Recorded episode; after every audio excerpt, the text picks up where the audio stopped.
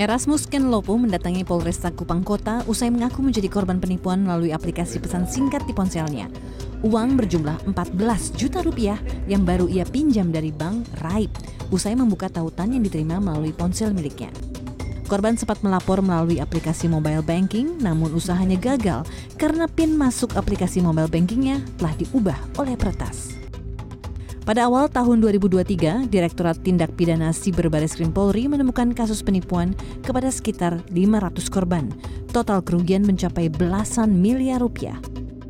Umumnya, korban menerima kiriman file berjenis APK melalui aplikasi WhatsApp.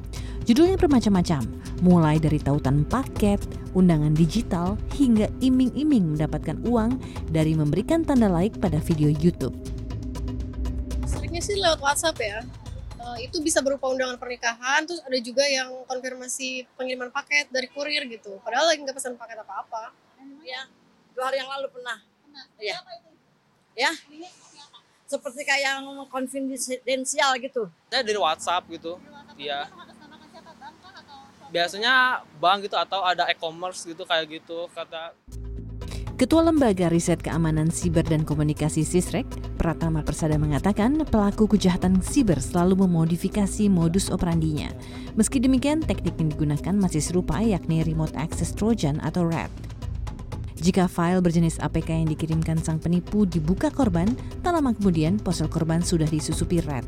Alhasil, ponsel korban bisa dikuasai tanpa perlu mengambil fisik ponsel tersebut. Jadi seperti kita ini megang handphone, tapi handphonenya di jarak di tempat lain gitu. Jadi kita bisa buka kita bisa buka apa namanya video, kita bisa buka apa aplikasi m-banking, kita bisa buka aplikasi e-commerce gitu, kita bisa belanja suka-suka kita pakai handphonenya orang lain. Lantas apa yang sebaiknya dilakukan korban yang terlanjur membuka file APK tadi? Pertama, segera matikan koneksi internet di ponsel tersebut lalu uninstall semua aplikasi mobile banking. Kemudian lakukan reset factory atau format ponsel sehingga kondisi ponsel menjadi seperti saat baru dibeli. Selanjutnya, segera ganti password dan PIN aplikasi mobile banking serta kartu ATM. Selain itu, ada beberapa tindakan preventif yang bisa dilakukan untuk mencegah penipuan online ini. Pertama, gunakan antivirus pada gadget Anda. Kedua, unduh aplikasi dari sumber yang terpercaya. Ketiga, jangan abaikan proteksi pada gadget Anda. Keempat, waspadalah jika ada aplikasi yang meminta akses data pribadi. Kelima, aplikasi RED biasanya akan meminta izin untuk mengakses gadget Anda. Jangan berikan akses. Dan terakhir, ganti password dan PIN Anda secara berkala. Mengutip dari cnnindonesia.com, Polisi telah menangkap salah satu pelaku pembuat aplikasi pernikahan berinisial AI. Pelaku merupakan mahasiswa asal Pinrang, Sulawesi Selatan.